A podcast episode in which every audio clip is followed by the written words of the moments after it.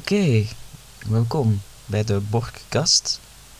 Ehm, ik weet niet hoe vaak ik ga uploaden, maar het zal op een dinsdag zijn. Ik heb deze podcast eh, gemaakt op vraag. Ik heb niet echt iets interessants te vertellen voor de rest. Uh, enkel poeppraat. Uh, Shout-out naar Louis. poeppraat voor jou, maatje. Um, ja, um, ik ga verhalen voorlezen. Dat is de, de bedoeling. Ik heb zo'n hele aantal uh, personages uh, bedacht de afgelopen jaren. Ik heb echt een hele database vol. Meer dan 100 personages die allemaal een background hebben. En ook allemaal aan elkaar verbonden zijn. Dus ik, ik ga elke keer een verhaaltje of zelfs twee voorlezen. Dit keer wordt het er maar eentje om te beginnen. Om te zien uh, of het op iets trekt. het, uh, het heet The Treehouse Conspiracy. En uh, kun je er naar luisteren. Ik, ik draai deze podcast op aan Philiberke on Fire, I Love You People. ja, hashtag kameel. The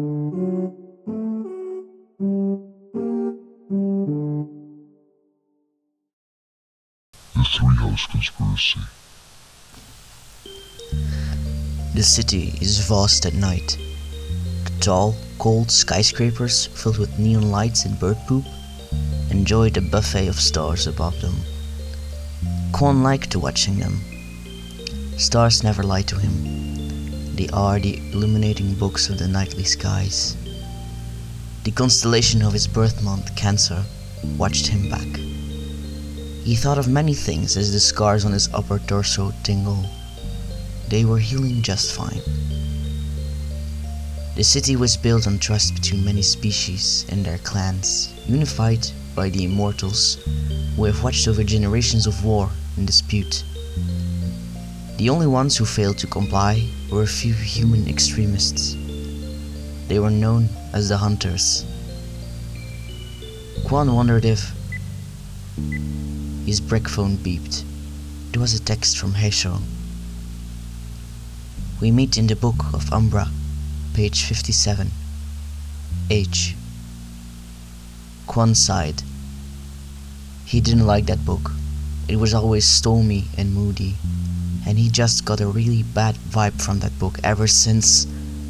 Never mind. He had sworn his blood upon the eye. His name was written in the holy book of magic, the Guide. The Guide was a book where all the rules stood, for the bookbenders to follow, till death do them part. It was a promise to travel through literature, and to both protect and spread knowledge accordingly. Quon stood up and went back inside his apartment, locking the balcony door. He walked up to his study and grabbed a book off of the seventh shelf of the fifth case. He opened the book. The pages were getting brushed along softly as his breathing was slowing down, becoming quite lower, like a soft hum. Quon closed his eyes, and the page whispered words of love and knowledge to him. Page 57 reveals itself and blows its magic out. Eyes, now all amber, open themselves, and Quon disintegrates into the book. No physical trace left of one young Quon Kingsleigh, son to Jenny Camino and the Book of Umbra was stormy and moody, as usual. But page 57 meant rain cold hard rain. Lev and Raito were there already, waiting. Lev was a cheerful self, while Raito grumpily held her hand and tried to hide his pout. Quon had to hold back a chuckle, and was only left to wonder what in the world had gotten interrupted by their duty calling. Heisho inserts right next to him, at that, Raito buffed up a bit. Why are we here? Heisho, sweet, sweet Heisho. appease themselves, seemed quite agitated. We were called here. By whom? Lev whispered. Me. All four looked towards the source of the unknown voice. It belonged to a man with a mask. They all knew who he was instantly, only upon seeing his green pendant. His name? Venus. His face was said to be so damaged by hunters that after he healed, it was still too fragile to touch the sunlight. His long coat made the guy seem taller than he already was, and he was a giant. Why are we here? asked one. Le- Lev asked. The hunters are plotting an attack. They want to cause a rift between the Azul clan and the Hale clan, Venus disclosed quite grimly. The four frowned at the information. The treaty between the canines and the vampires had been standing tall for the last centuries. If it were to crumble, that meant they were up to something bad. The hunters were known for many violent aggressions against the canines. They believed that the canines were sinful human abominations. They weren't, of course. Their genetic code was similar on some parts, but it was totally out of sync. If only the hunters weren't completely deaf to the truth even so, they might get some clarity on this. Anything else? You can't do much with this, Writer graft. I believe they will use the crimes of Ryan Hale as a motive for a false vengeance. You might remember this only briefly, but he mauled a few pups from the porch of the temple last year in a rage for blood. Everyone went silent. And then Quon spoke up. What do you want from us? One of you needs to visit Hale Manor, to Camp Dara, just in case. Any volunteers? Nobody reacted, and Quon knew exactly where this was going. Let us know if you need more pillows. Quon nodded. Thank you. Heisho answered. Both Quon and Heisho made the cut. Quon had requested the dark room, and the oldest Hale sibling had provided candles, ink for runes, pillows to meditate on, and the Karagalith. That was an ancient artifact used for protection. Christian Hale then left the room. Ready? Quon asked. Heisho sat on a pillow in the middle of the room, legs crossed and surrounded by candles. Yes, light them. Quon used his thumb and his index finger and made them mimic a heart-like shape. He held his hand up, pointing at the candles on the floor, and blew softly. It was more like a rumbling breath, really. A magically simmering flame sprung in a graceful flowing motion from his fingers. The stream of fire flew round and lit all the candles before flying back to Quon, who inhaled the fire back into his lungs. Impressive, Heisho teased. Shut up. Quon earned a wink. Heisho then closed both of their eyes, and Quon held his breath for what was about to happen next. Braxis. As soon as the spell left the lips of the mage, the room went stone cold. The runes Heisho had made Quon paint on the drapes that darkened the whole room lit up in a bright cyan light. The runes tattooed on Heisho's body also lit up in cyan light.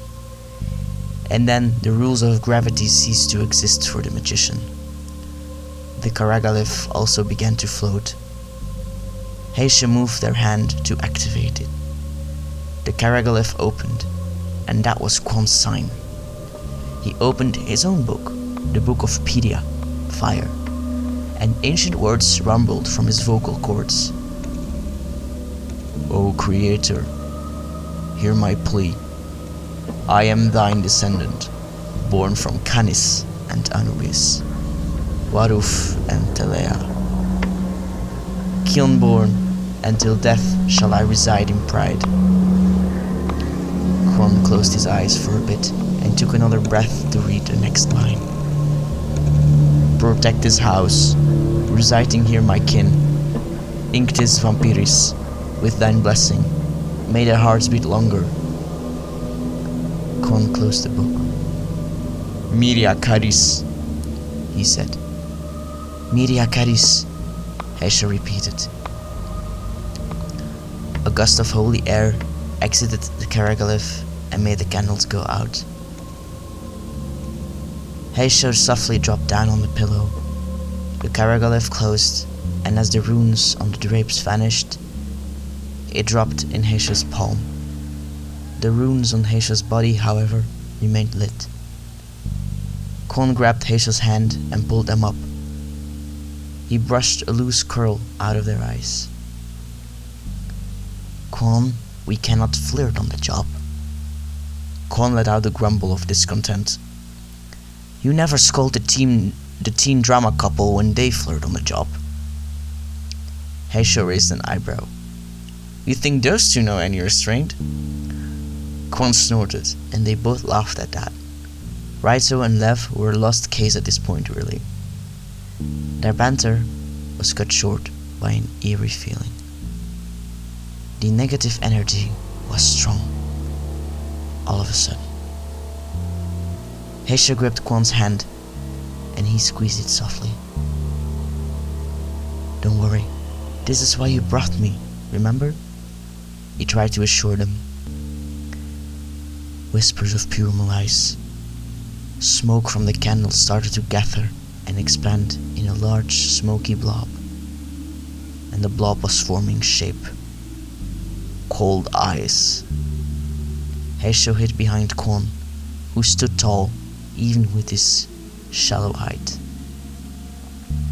The blob had taken the form of a man, one not strange to the bookbenders.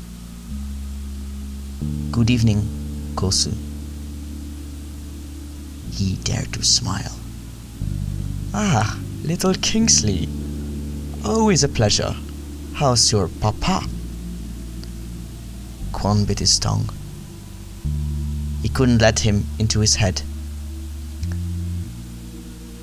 Are you hating the hunters again? Oh, you know me. Always hunting the fun times? This clan is under my protection, Quon growled. Kosu only crackled. He knew how to rile the Kingsleigh up after all. Your lineage and me are on the same side, remember? In your dreams. Kosu laughed again. You're cute, so I'll give you a winning tip for what comes next. He suddenly appeared very close. Smoke was surrounding him, and he bent his neck to whisper into Quon's ears. I invited Roderick. Quon's blood was boiling to the temperature of his rage. Roderick was the one who. Heisho grabbed his hand. Ignore him. Breathe.